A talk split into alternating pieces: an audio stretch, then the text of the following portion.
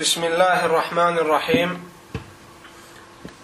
الحمد لله رب العالمين والصلاة والسلام على أشرف الأنبياء والمرسلين نبينا محمد وعلى آله وأصحابه ومن تبعهم بإحسان إلى يوم الدين. أما بعد رب اشرح لي صدري ويسر لي أمري واحلل عقدة من لساني يفقه قولي اللهم لا علم لي إلا ما علمتني وعلمني بما ينفعني وزدني علما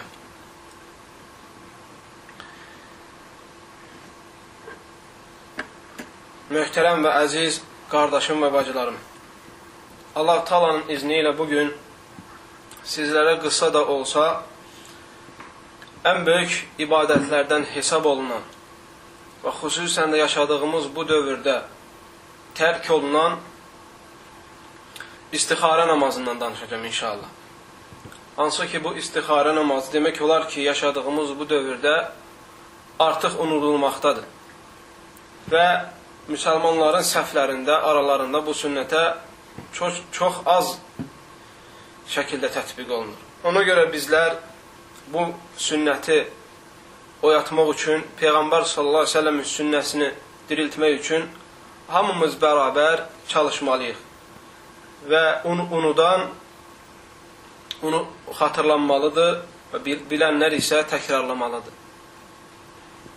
Təbii ki, bu bütün müsəlmanların üzərinə düşən vacib əməllərdəndir ki, Peyğəmbər sallallahu əleyhi və səlləmin gətirdiyi bu şəriəti bacardığı qədər yatan və aradan qalxan məsələlərini dirilsinlər. Möhtərəm, əziz qardaşım və bacılarım, yəqin ki, çox adam üçün maraqlıdır ki, görəsən istixarə namazı nə deməkdir? Öncə sizə istixarə kəlməsinin mənasını bəyan etmək istəyirəm ki, hətta onunla ilgili məsələlərə toxunduqda qaranlıq şeylər qalmasın. Öncə istixarə kəlməsi hamınız bildiyiniz kimi ərəb kəlməsidir. Və bu sözün əsli xeyr kəlməsindən götürülüb. Bu sözün əsli xeyr kəlməsindən götürülüb.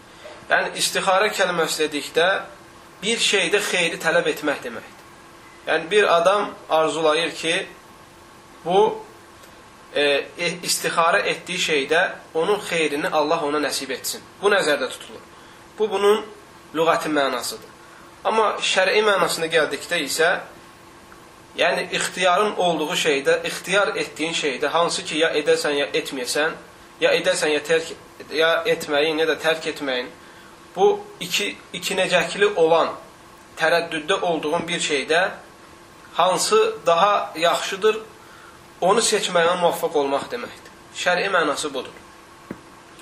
Möhtərəm qardaşlar, Peyğəmbər sallallahu əleyhi və səlləmin şəriəti Peyğəmbər sallallahu əleyhi və səlləmin şəriəti ümumən insanların ehtiyacını ödəyən bir şəriətdir. Yəni, insanların içindən keçən, həll axtardığı məsələlərə çözüm göstərən bir şəriətdir. Peyğəmbər sallallahu aleyhi ve sellem gəlməməzdən öncə, yəni cahiliyyə dövründə insanlar bu istixaraya oxşayan şirk, şirki bir şəkildə bunu, yəni şirk olan bir şəkildə bunu eləyirlərdi. Yəni insan yaradılışından zəifdir. Allah Teala Quran-ı Kərimdə buyurur: "Xuliqal insanu daifə." İnsan zəif yaradılıb. İnsan zəif yaradılıb. Və ona görə insan madəm ki zəifdir, ona görə işlərində də çox zaman tərəddüd baş verir. Bunu görəsən etsin və yaxud etməsin. Evlənəsinsə evlənsin və yaxud evlənməsin. Səfərə çıxasınsa səfərə çıxsın ya çıxmasın. Və yaxud bir mal, mülk aldıqda, bir ev aldıqda, bir torpaq aldıqda bunu alsın ya almasın. Və insan daima bu hər kəsin yaşadığı bir sıxıntıdır. Hər kəsin yaşadığı başına gələn bir işdir. Və insan daima tərəddüd içində olur. Görəsən, əvvəllər bir insanlar belə olduğu halda necə edirdi? Bəli, elm əhli, tarixçilər bunu bizə tarix kitablarında gözəl şəkildə vəsf edirlər. Keçmiş dövrdə Peyğəmbər sallallahu əleyhi və səlləm gəlməzdən öncə cahiliyyə dövründə insanlar da buna oxşar bir əməllər etməyə çalışırlardı. Amma bu əməllər şirk üzrə olurdu. Bu əməllər tövhidə zid şəkildə olurdu. Nə tər olurdu? Məsələn, bəziləri səfərə çıxıb, çıxsınmı deyə, çıxmasınmı deyə tərəddüd etdikdə, evlərində onlar quşlar saxlayarlardı, quşlar. quşu götürərdi əlinə, ya göyərçin olardı, ya başqa növlərindən, yəni uçan, uçan heyvanlardan biri, qanatlı heyvanlardan biri. Bunu götürərdi əlinə, atardı göyə.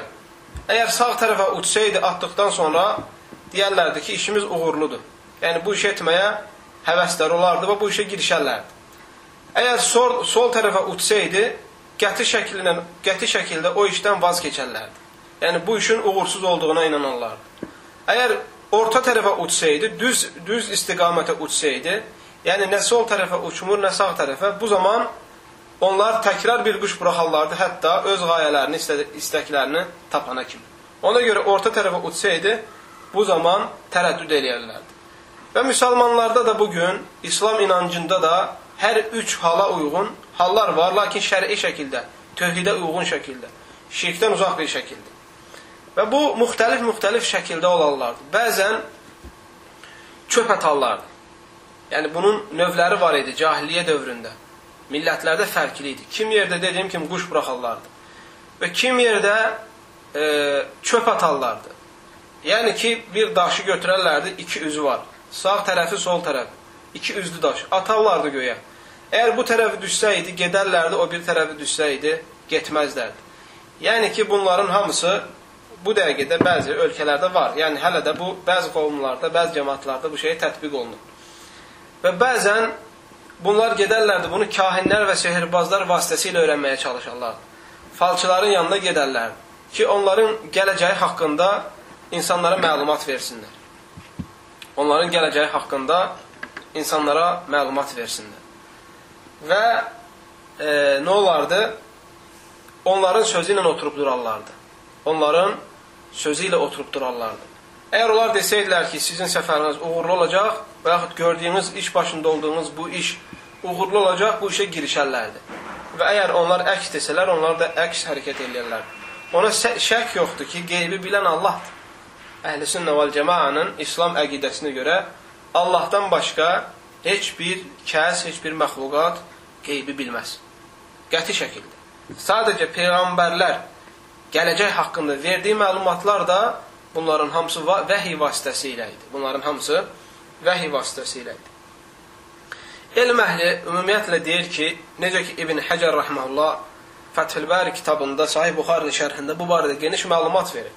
Və orada qeyd edir ki, e, məqsəd istixara namazında məqsəd e, bir işin həm dünya ilə, həm axirətlə bağlı olan bütün işin xeyirli olmasını tələb eləməkdir.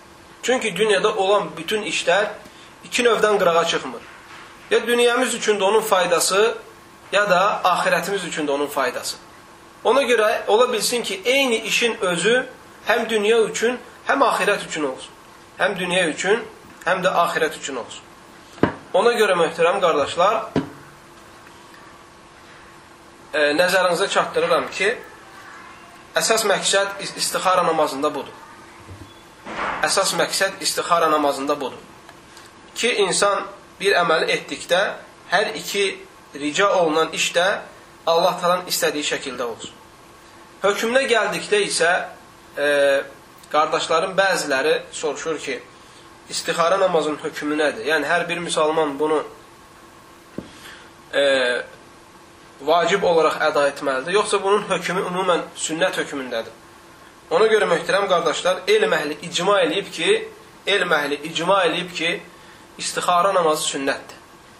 Elm əhli icma eləyib ki, istixara namazı sünnətdir. Necə ki, e, İmam-ı Nəvavi Əzkər kitabında bunu geniş şəkildə açıqlayır.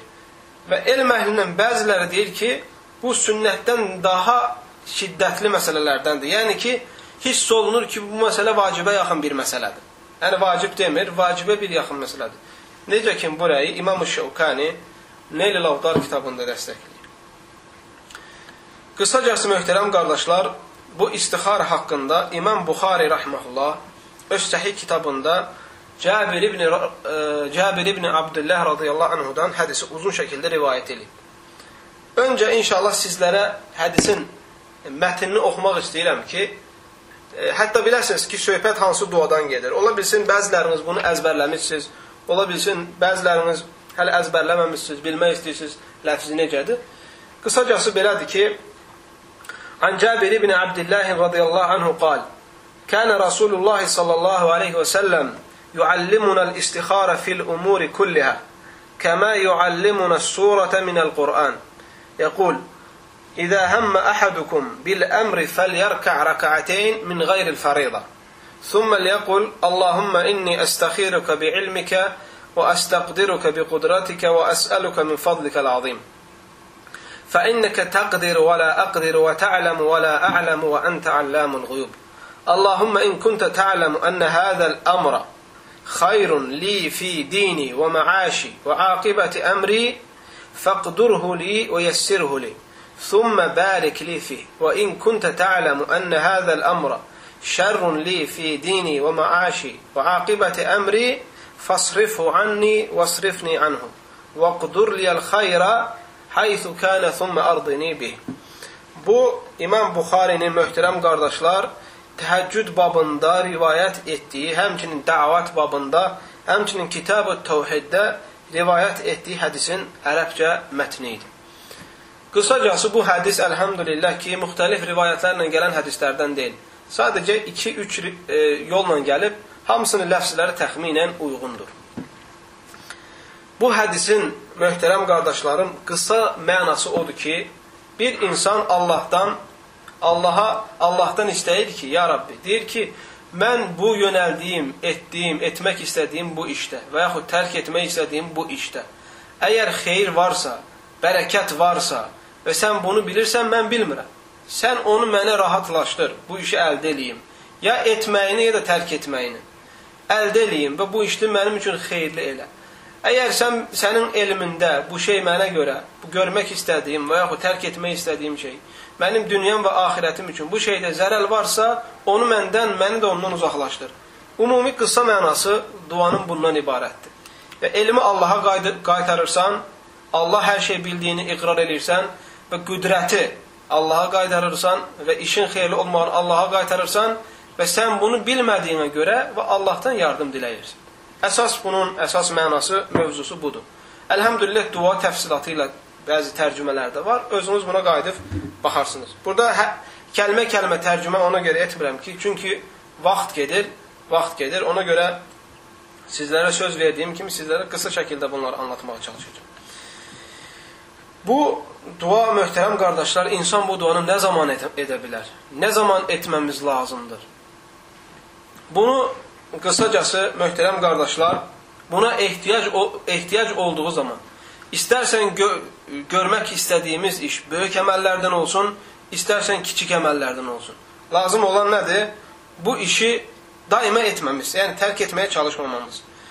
Və İmam İbn Qayyim rahmehullah bu istixara duasına gəldikdə deyir ki, Peyğəmbər sallallahu əleyhi və səlləm hansı ki, sizə bax tarixi baxımından dedim, deyir Peyğəmbər sallallahu əleyhi və səlləm bu duanı bizə əvəz etdi keçmiş müşriklərin etdiyinə, etdiyinə qarşı. Yəni keçmiş dövrdə insanlar bu duanı yerinə nə edirlərdi? Müəyyən-müəyyən vəsilələrdən istifadə edirlərdi. Hətta rəğbətlərini yerinə yetirsinlər deyə, istə, yəni qəlblərində təsəlli tapsınlar deyə. Quş buraxarlardı, və çöp atarlardı və başqa başqa oyunlar çıxardarlar. İbn İmam İbn Qayyim rahmeullah Zədül Məad kitabında bu haqqda danışanda deyir ki, e, bunu Peyğəmbər sallallahu o müşriklərin etdiyini əvəz olaraq müsəlmanlara öyrətdi. Ki, hətta o sıxıntıdan bu dua vasitəsilə qutarsınlar. Deməli, insan bu duanı nə vaxt eləyir? İnsan heyrət içində qaldığı zaman, insan heyrət içində, bir çıxışılmaz bir vəziyyətdə, sıxıntılı bir vəziyyətdə olduğu zaman, istərsən maşın alası olsun, istərsən evlənəsi olsun, və yaxud vəzifəyə girəsi olsun, və yaxud səfərə çıxsın, çıxmasın və istərsən görülən əməl kiçik, balaca əməllərdən olsun, xırda əməllərdən olsun, istərsən böyük əməllərdən olsun, fərqi yoxdur. Önəmli olan sən bunu yerinə yetirməyindir. Və həqiqətən bu fəzilətli bir ibadətdir, möhtərəm qardaşlar. Böyük fəzilətli bir ibadətdir. Allahdan diləyirəm ki, bu ibadəti hamımıza yerinə yetirməyi e, muvaffaq eləsin. İbn Teymiyyə rəhməllah, hətta İbn Teymiyyə rəhməllah e, bu barədə gətirir. Deyir ki, İbn Teymiyyə rəhməllah, deyir, kim işdən qabaq Allah Taalaya istixara edərsə və elm əhli ilə, salah əhli ilə, təqvalı insanla məşvərət edərsə və o insan heç zaman deyə peşman olmaz. Necə ki Allah Teala Qurani-Kərimdə Ali-İmran surəsinin 159-cu ayəsində buyurur: "Və şavirhum fil amr, fa iza azamta fetawakkal alallah. İnallah yuhibbul mutawakkilin." Onları işində məşvərət, onlarla işində məşvərət et. Yəni onları da topla bir iş görmək istədikdə onlarla məşvərət eləyinən ilə. Fəidə əzəmtə fətəvakkal alallah. Bir işi görmək istədikdə, bir işi görmək niyyətinə gəldikdə, qərarına gəldikdə Allaha təvəkkül et. İnnallaha yuhibbul mutavakkilin. Həqiqətən Allah Taala ona təvəkkül edənləri sevər. Şeyxülislam İbn Teymiyyə bu ayət dəlil gətirərək deyir ki, kim istixara edərsə, görmək istədiyi bir işdə və sonra məşvərət əhli ilə, hansı gətirəcəm ki, inşallah sizlərə ki, məşvərət əhli kimdir? Məşvərət əhli ilə məşvərət eləyərsə, və o insan gördüyü işdə qəti şəkildə peşman olmaz. Və həmçinin möhtərəm qardaşlar, İmam İbn İmam Qatadə radiyallahu anh, İmam Qatadə deyir ki, Allah rızası üçün kim Allahın rızasını qazanmaq üçün içində xeyirli olsun deyə istixara eləyərsə, onu qəti şəkildə Allah Taala doğru yola yönəldər. Və həmçinin möhtərəm qardaşlar, İmam Nəvavi Əzkər kitabında deyir ki, mütləq hər bir müsəlman tərəddüd etdiyi zaman həm məşvərət eləməlidir, həm də istixara etməlidir. Çünki İmam Nəvavi deyir ki, hər insanda naqislik var. Hər insanda naqislik var düşüncəsində və hərəkətlərində. Ona görə onun düşüncəsində olan bir nöqsanı ola bilsin ki, məşvərət əhli onu tamamlayır. E, deməli, burada bir başqa məsələ gəlir ortaya, sual çıxa bilər. Yəni, hər kəsin ağlında ola bilər ki, bu sual. Deməli, müsəlmana lazım olan nədir? Bir iş görmək istədikdə, həm istixara etmək, həm də eyni zamanda məşvərət etmək. Görəsən, insan hansını qabağa salmalıdır?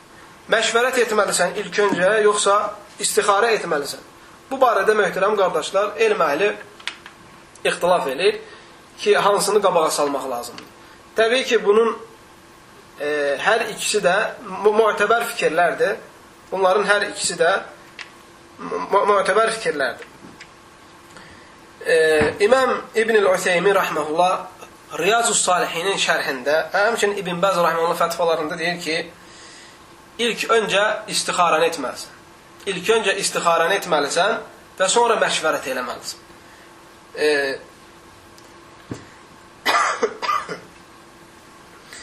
Buna dəlil olaraq Şeyx İbn Useymin deyir ki, hədisdə gəlir ki, Peyğəmbər s.ə.v buyurur, İzə həmmə əhədukum bil əmri fəliyərkə rəkətin. Deyir, Peyğəmbər s.ə.v deyir ki, sizdən biriniz bir işi etmək istədikdə iki rəkət namaz qılsın. Deyir, bu dəlildir ki, sən ilk öncə bir iş etmək istədikdə, ilk öncə deyir, namaz qılsın. Bu dəlildir ki, ilk öncə sən istixarəni etməlisən və sonra və sonra məşvərət etməlisən. Təbii ki, doğru rəy də budur. Doğru rəy də budur hədisin nasına görə. Çünki Peyğəmbər s.ə.v deyir ki, sizdən biriniz bir iş görmək istədikdə iki rəkət namaz qılsın və sonra istixarə etsin. İki rəkət namaz qılsın və sonra istixarə etsin. Burada açıq-aşkar bəlli olur ki, bir iş görmək istəyən adam ilk öncə istixarə etməlidir və sonra e, salah əhli ilə, xeyr əhli ilə məşvərət etməlidir. Və burada bir məsələ də ortaya çıxır. Yəqin ki, bu sizə, sizin üçün də maraqlıdır. Yəni, bir insan istixarə etdikdən sonra, məşvərət etdikdən sonra bunu edib etməməsini nədən biləcək? Bunu necə bilə bilər? Hansı halda işinə davam eləyir və yaxud hansı halda işindən çəkinir? Bu halda möhtərəm qardaşlar, ümumiyyətlə elm əhli e, iki fikir deyir. Birinci fikir odur ki, birinci fikir odur ki, deyir, insan istixarə etdikdən sonra gözləyir. Əgər görmək istədiyi və yaxud tərk etmək istədiyi işə qarşı qəlbində rahatlıq hiss eləyərsə, qəlbi açılarsa bu işə, o işdə o işi görür. Və bu dəlildir ki, Allah Taala bu işi onun üçün xeyirli eləyib. Və bunu İmam Şeyx İbn el-Useymin və həmçində İmam Nəvavi dəstəkləyir. Deyir, bu şəkildə alınsa, o insan istixarə istixarə məsələsindən sonra davam eləyir. Yəni qəlb açıqlığı mötəbər olan qəlb açıqlığıdır. Qəlbində rahatlıq hiss eləmək, qəlbin açılması istixarənin yaxşı tərəfi olmasını göstərir. Və eyni zamanda bəzi elm əhli isə deyir ki, bir insan istixarə etdisə, işə davam eləyir. Gözləmir, ürəyi açı, qəlbi açılır, açılmır və yaxud yuxu görür, yuxu görmür. Deyir, bir insan istixarə etdikdən sonra qəlbi açılmasını gözləmir və işində davam eləyir. Və Allah əgər xeyirlidirsə nəsib eləyəcək, əgər xeyirli deyirsə nəsib eləməyəcək. Bu fikri də İbn Həcər rəhməhullah, həmçinin İbn Zəmlikani rəhməhullah İbn Zəmlikani. Bunlar da sələf alimlərindəndir. Təbii ki, yəni ki, birinci rəy daha çox alimlər dəstəkləyir. O da qəlb açılmaq məsələsi. Və müsəlman da ixtiyar sahibidir. İstərsən belə elə, istərsən belə elə, əlhamdülillah, məsələ genişdir. Yəni məsələ kiçik və dar məsələlərdən deyil. Və burada eyni zamanda başqa məsələlər də ortaya çıxır istixarə namazından danışanda. Görəsən, e, istixarə namazı e, iki rəkət namaz qıldıqdan sonra salamdan qabaq veririk, salamdan qabaq eləyirik. Yəni namazda ət-təhiyyət təşəhhüdü oxuyandan sonra istixarə namazını oxuyuruq, yoxsa salam verəndən sonra, namazdan sonra oturub istixarə namazını oxuyuruq. Bunlar bu barədə də elm əhli yenə iki fikir söyləyir. Bu ona görə bu sizə bu fikirləri söyləyirəm ki, möhtərəm qardaşlar. Ümumiyyətlə əhl-i sünnədə belə bir qayda var ki, əgər ixtilaf mötəbər ixtilafdırsa, yəni hər iki fikrin dəlili varsa, hər iki fikirdə söylədikləri fikir dəlil əsasınadırsa və mötəbərdirsə, onda o zaman biz o ixtilafı söyləyirik. Haqq olaraq elmi bəyan eləmək e, babından, elmi bəyan eləməyə görə. Əgər ixtilaf mötəbər olmazsa, onda o zaman biz onların nə dəlillərinə baxmırıq, nə də fikirlərinə baxmırıq. Deməli, möhtərəm qardaşlarım, dediyim kimi, elm əhli ixtilaf edir. Elm əhlinin bir çoxu deyir ki, namazı qıldıqdan sonra, yəni iki rəkət namazı əda etdikdən sonra istixarə namazını oxuyursan və istixarə namazını oxuduqda bəzi ədəblər var, onu da deyəcəm. Yəni ki, öncə sizə bunu deyim ki, e, salamı verdikdən sonra istixarə namaz edirsin. Bunu xüsusən Şeyx İbn Bəz rəhməhullah, Şeyx İbn Öteymin və həmçinin e, burada Səudi Ərəbistanda böyük alimlər fətvasında həmçinin bu rəyi dəstəkləyirlər ki, namaz, salamdan sonra olur. Və elm əhlinin bir toplumu da var ki, möhtərəm qardaşlar, deyir ki, salamdan qabaq olur bu dua. Yəni bir insan iki rəkət namazı qılır, ət-təhiyyatı, təşəhhüdü oxuyur və sonra salamdan qabaq bu duanı oxuyur və sonra salam verir. Bunu Şeyxülislam İbn Teymiyyə bu rəyi daha doğru görür. Bunu İxtiyaratul Fiqhiyyə kitabında gətirir və bu rəyi dəstəkləyir. Qısacası, hər ikisi də əlhamdülillah icazəlidir. İstərsən salamdan qabaq et, istərsən salamdan çox salamdan sonra elə. Hər ikisi də caizdir, amma əfzəli odur ki, salamdan qabaq eləyəsən. Əfzəli odur ki, salamdan qabaq eləsən. Çünki hədisin nasına biz diqqətlə fikir versək, görərək ki, həqiqətən məna var ki, bunu salamdan qabaq etməlisən. Ona görə elm əhli deyir ki, əlhamdülillah hər, iki, hər ikisi caizdir. İstərsən salamdan qabaq et, istərsən salamdan sonra et. Hər ikisi əlhamdülillah caizdir və məsələ genişdir. Amma əfzələ gəldikdə isə salamdan qabaq etmək daha əfzəldir. Və eyni zamanda möhtərəm qardaşlar, bu bu məsələ ilə ilgili başqa bir məsələlər var. Məsələn, görəsən istixarə namazı edən insan əlini qaldıra bilər? Təbii ki, bu salamdan sonra olsa əgər. Ona görə elm əhli deyir ki, əgər istixarə namazı salamdan sonra etsə, bəyənilir ki, əlini qaldırsın. Duada əlini qaldırsın. Çünki əl qaldırmaq duanın qəbul olma ədəblərindəndir. Duanın qəbul olma ədəblərindəndir. Və həmçinin bu bununla ilgili əgər bir insan əzbər əzbərləməyibsə, tutaq ki, bir insan əzbərləməyib. O insan kitabdan oxuya bilərmi və yaxud bir vərəqə yazıb oradan oxuya bilərmi? Bəli, elm əhli icazə verir, elhamdülillah. Əgər əzbər bilmirsənsə, götürüb yazılmış kitablardan oxuya bilərsən. Əgər tutaq ki, ərəbcə oxuya bilmirsən, duanın tərcüməsini oxuya bilərsənmi? Bəli, oxuya bilərsən. Çünki duada hikmət odur ki, insan dediyini qavrasın. Bir insan oxuduğunu qavramırsa, onda o zaman qavradığı şəkildə onu oxuması daha məsləhətdir.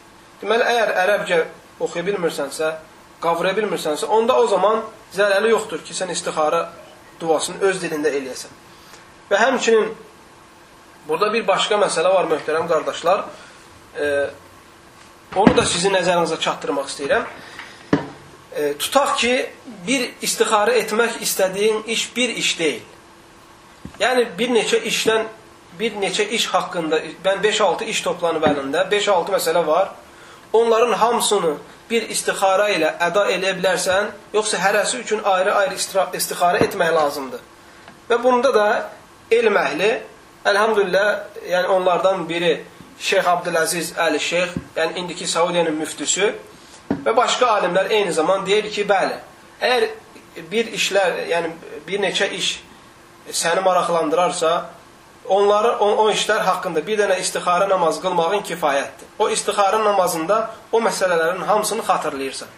O məsələlərin hamısını xatırlayırsan, bir dənə istixarə namazı kifayətdir. Amma elm əhli, şey, bunu həmçinin burayı Şeyx İbn Öteymin deyir. Və həmçinin onlar deyir ki, lakin əfzəldir ki, hər məsələ üçün müstəqil ayrıca e, namaz qılasan və istixara namaz istixara duasını təkrar deyəsən. Təbii ki, deməli burada iki məsələ var. Biri icazəli məsələsi, biri də əfzəliyyət məsələsi.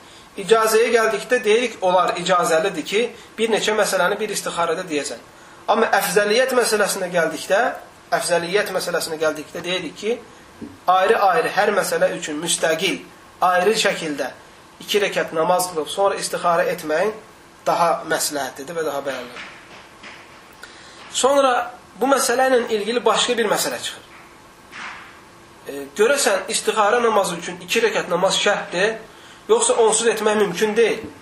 Bəli, elm əhli deyir ki, təbii ki, istixarəni, yəni sünnətdir ki, iki rəkat namaz qılıb sonra eləyəsən. Sünnət budur. Lakin əgər bacarmırsansa, tək istixarə namazına kifayət, kifayət oluna bilərsən. Yəni, tək istixarə duasını edə bilərsən. Tək istixarə duasını edə bilərsən, lakin bu bunu, bununla sünnəti tətbiq etmiş olmursa, necə ki, burayı Şeyx Fovzan Rahiməhullah öz fətva kitablarında qeyd edir.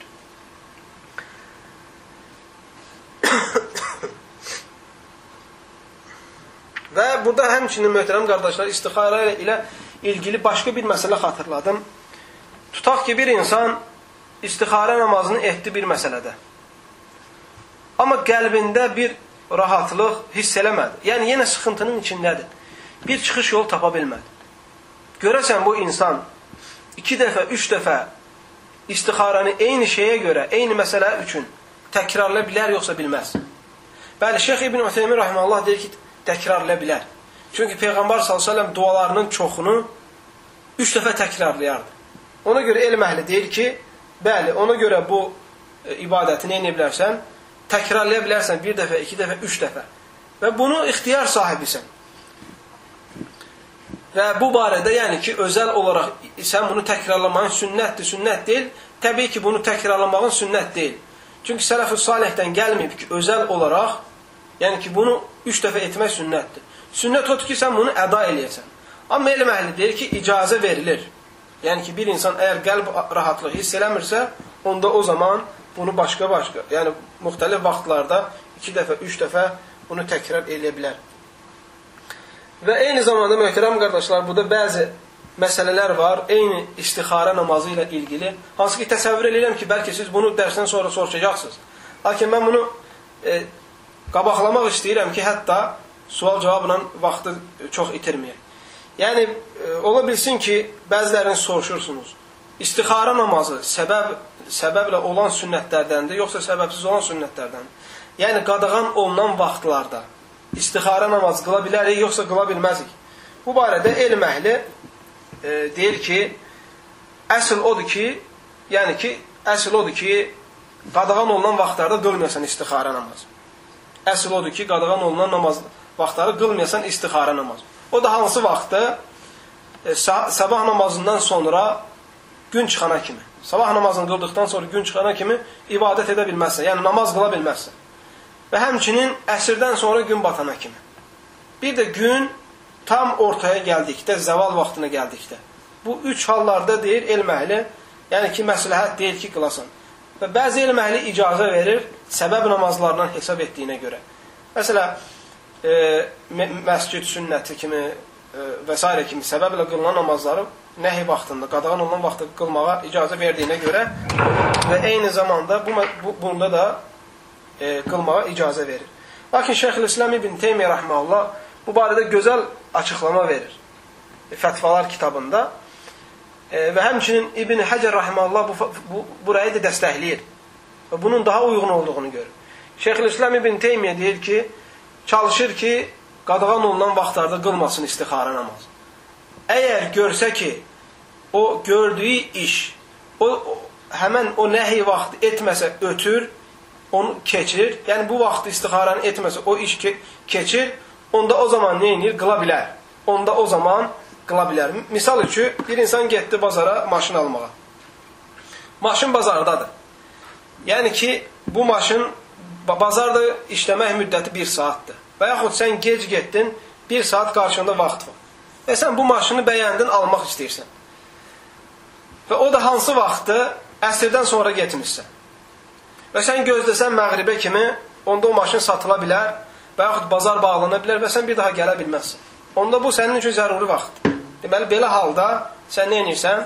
İstixara namaz qılıb işini görə bilərsən. Təbii ki, burayı dediyim kimi Şeyxülislam İbn Teymiyyə Məcmu'l Fətava kitabında həmçinin burayı dəstəkləyir İbn Həcər rahimehullah. Və eyni zamanda möhtərəm qardaşlar, bunu danışdıqca xatırlayıram bəzi məsələləri bu istixara namazı ilə ilgili. Burada lazım olan odur ki, e, insan çal, yəni ki, e, istixaranın ədəblərindən həmçinin, yəni istixara namazı fərz namazından sonra olması qəti şəkildə doğru deyil. Çünki hədisin nasında gəlir ki, Peyğəmbər s.ə.v deyir ki, fərzdən əlavə olaraq iki rəkət namaz qılsın, nafilə namaz. Deməli, bir insan əgər fərz namazından sonra istixara etmək istəyərsə, biz ona deyirik ki, doğru eləmirsən. Gördüyün bu əməl bidətdir və bu da istixara sayılmır. Mütləq istixara üçün dedik ki, özəl olaraq, ayrı olaraq iki rəkat namaz lazımdır. Əgər bir insan duha namazından sonra və yaxud hansısa namazın e, sünnətindən sonra istixara etmək istəsə və yəni bu halda o insan istixara edə bilərmi? Yoxsa özəl olaraq sünnət qılmalı? Elm əhli bu məsələyə gəldikdə deyir ki, e, sünnət namazlarından sonra istixara edə bilər. Duha namazıdır və yaxud sabah namazının sünnətidir və yaxud zöhr namazının sünnətidir və yaxud məğrib namazının sünnətidir. Lakin bir şərtlə ki, namaza girməzdən qabaq e, istixarə edəcəyini niyyət etməlidir. Mütləq ibadətə başlamazdan qabaq e, nə etməlidir? Niyyət eləməlidir. Əgər niyyət eləməsə, onda o zaman təkrar sünnət namazı qılmalıdır. E, əgər mane olsa birdən istixarə namazına, bu da başqa bir məsələdir eyni zamanda. Əgər bir mane çıxsa, e, tutaq ki, məsələ, qadın aybaşı oldu və yaxud qadın e, e, nifas oldu. Və bu zaman, yəni qadın istixarə edə bilər, yoxsa necə etməlidir? Bəli, elm əhli deyir ki, belə olduğu hallarda, zəruri hallarda, e, onda o zaman sadəcə dua etməsi kifayətdir namazsız. Təbii ki, o hallarda qadın namaz qıla bilməz. Sadəcə qadın dua ilə kifayətlənir. Bunun özü də əlhamdülillah sünnətə uyğun olur eyni zamanda. Və sonra burada bir başqa məsələ çıxır ki,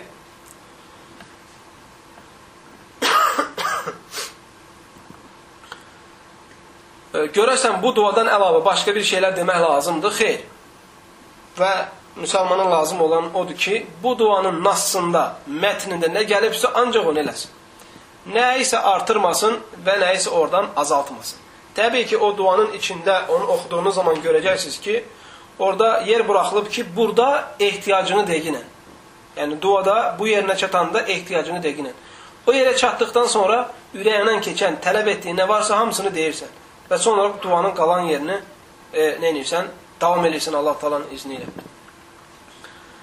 Və möhtərəm qardaşlar, e, eyni zamanda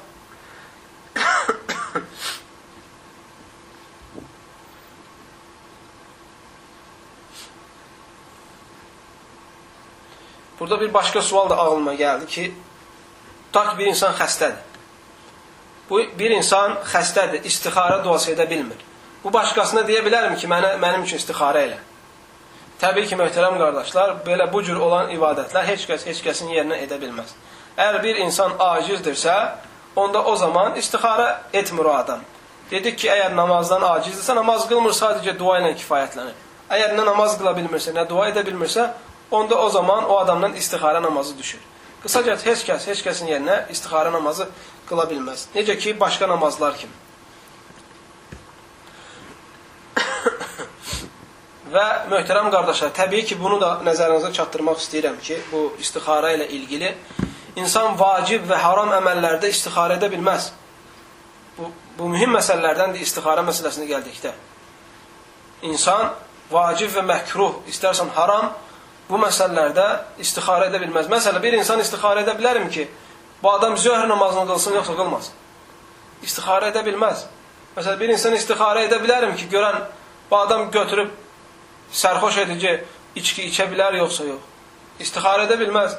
Və yaxud bir insan istixarə edə bilərmi, ya Rabbi, mən Allah uzaq eləsin, məsələn, zina eləsinmi, yoxsa eləməsinmi? Oğurluq etsinmi, yoxsa etməsinmi? Təbii ki, bu haram və vacib olan şeylərdə möhtərəm qardaşlar, istixarə olmaz. Hətta məhkruh olan şeylərdir. Məsələn, bir insanın məscidə girdikdə sol ayağı ilə girməsi məhkruhdur. Bir insan məscidə girdikdə sol ayağı ilə girməsi məhkruhdur. Bir insan dua edə bilməz ki, ya Rabbi, mən sağ ayağımla girməyim mənim üçün məsləhətdir, yoxsa sol ayağımla girməyim. Xeyr. Sən nə vacib şeylərdə istixarə edə bilməzsən, nə məhkruh olan şeylərdə istixarə edə bilməzsən, nə də e, haram olan şeylərdə istixarə edə bilməzsən. Hətta elm əhli, bəziləri hətta deyilir ki, müstəhəblərdə də, sünnət olan məsələlərdə də istixarə eləmə. Lakin tərəddüd etdiyin məsələlərdə, adi məsələlərdə e, istixarə etməyə çalış yine. Elm əhli bunu tö tövsiyə möhtərəm qardaşlar. Təbii ki, indi mən sizə xatırladıqca məsələləri sizlərə deməyə çalışıram. E, son bir şey də xatırladım, onu da deyim. Bu məşvərətlə ilgili Biz dedik ki, ədəblərdəndir ki, insan istixarə et, etdikdən sonra həmçinin məşvərət eləsin elm əhli ilə. Burada möhtərəm qardaşlarım, məşvərət edəndə insan, əziz və möhtərəm qardaşlarım, insan məşvərət etdikdə, məşvərət etdiyi adamın iki şey əhli olmalıdır. Yəni, o adamda iki, iki şərt lazımdır. İki şərt olmasa, onunla istixarə etməklə. Birincisi, o adam salah əhli olmalıdır. O adam iman əhli olmalıdır. O adam taqvalı insan olmalıdır. Çünki əgər o insan Allahdan qorxan insan olmasa, ola bilsin sənə həsəd eləyə. Ola bilsin sənə paxıllıq eləyə. Ola bilsin sənin işini tərs istiqamətə istiqamətləndirə ki, hətta sən bu xeyrə nail olmayasan. Aydındır qardaşlarım, buna diqqət yetirin ha. Ona görə sənin nəzərində salih olması kifayətdir. Yəni ki, e, burada sadəcə körü-körənə, yəni iddia ilə olmamalıdır. Həqiqi məşvərət etdiyin adam, yəni ki, iman əhli olmalıdır. Təqvalı insan olmalıdır.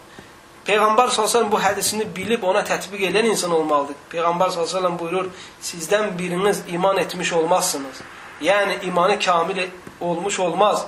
Ta özünə istədiyini başqa qardaşına istəmədikcə. Belə bu hədisi bilib, ona inanıb, ona tətbiq edən insan olmalıdır.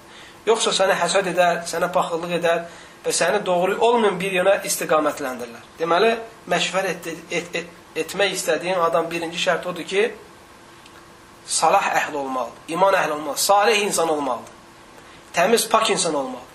İkinci şərt odur ki, həmin insan məşvərən, məşvərət etdiyin şey haqqında məlumat olmalıdır. Yəni ki, bu insan praktik sahib olmalıdır. Bu insanda bu, bu məşvərət etdiyin barədə elm olmalıdır. Və o insan təcrübə sahibi olmalıdır. Bu iki şərt olmasa, sən o adamla isti, yəni ki, məşvərət eləməyini. Çünki ola bilsin adam imanlı ola, təqvalı ola, amma e, şey təcrübə sahibi deyil. Misal üçün sən maşın almaq istəyirsən. Misal üçün sən maşın almaq istəyirsən müəyyən bir modeldə. Sən gedib şeyxdən soruşsan ki, mən bu firmanın maşınını almaq istəyirəm. Bir imanlı qardaşından soruşsan, bu firmanın maşınını almaq istəyirəm. Modeli budur, motorunun gücü budur, nə bilim nədir, nədir, nə məsləhət görürsən? Təbii ki, əgər bu adam maşından, maşın elmindən xəbəri yoxdursa, motordan, modeldən və s. kimi, o insan sadəcə doğru cavab verə bilməyəcək. Ki, get al və yaxud get alma. Ona görə bu, burada həm və eyni zamanda tutaq ki, bir adam praktika sahibidir. Motordan yaxşı xəbəri var maşının modellərini bilir və s. kimi bu barədə yəni onun praktikası yaxşıdır. Bunun təcrübəsi yaxşıdır. Lakin insan həsədkar insandır. Baxıl insandır. Bəlkə də sən o maşını almağını istəmir. Yenə eyni zamanda yəni onunla məşvərətin doğru gəlmir. Deməli, böhtəram qardaşlar, buradan nə anlanır? İstixa, istişarə etdiyin adam, məşvərət etdiyin adam həm imanlı, təqvalı insan olmalıdır, həm də təcrübə sahibi olmalıdır. Bununla əziz qardaşlarım, bu dərsi tamamlamaq istəyirəm.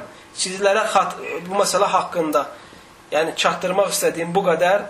Bu ana kimi bunları xatırladım. Allah Taala bağışlasın əgər nəyisə unutdumsa, nəyisə xata dedimsə. سبحانك اللهم وبحمدك أشهد أن لا إله إلا أنت أستغفرك وأتوب إليك وآخر دعوانا أن الحمد لله رب العالمين.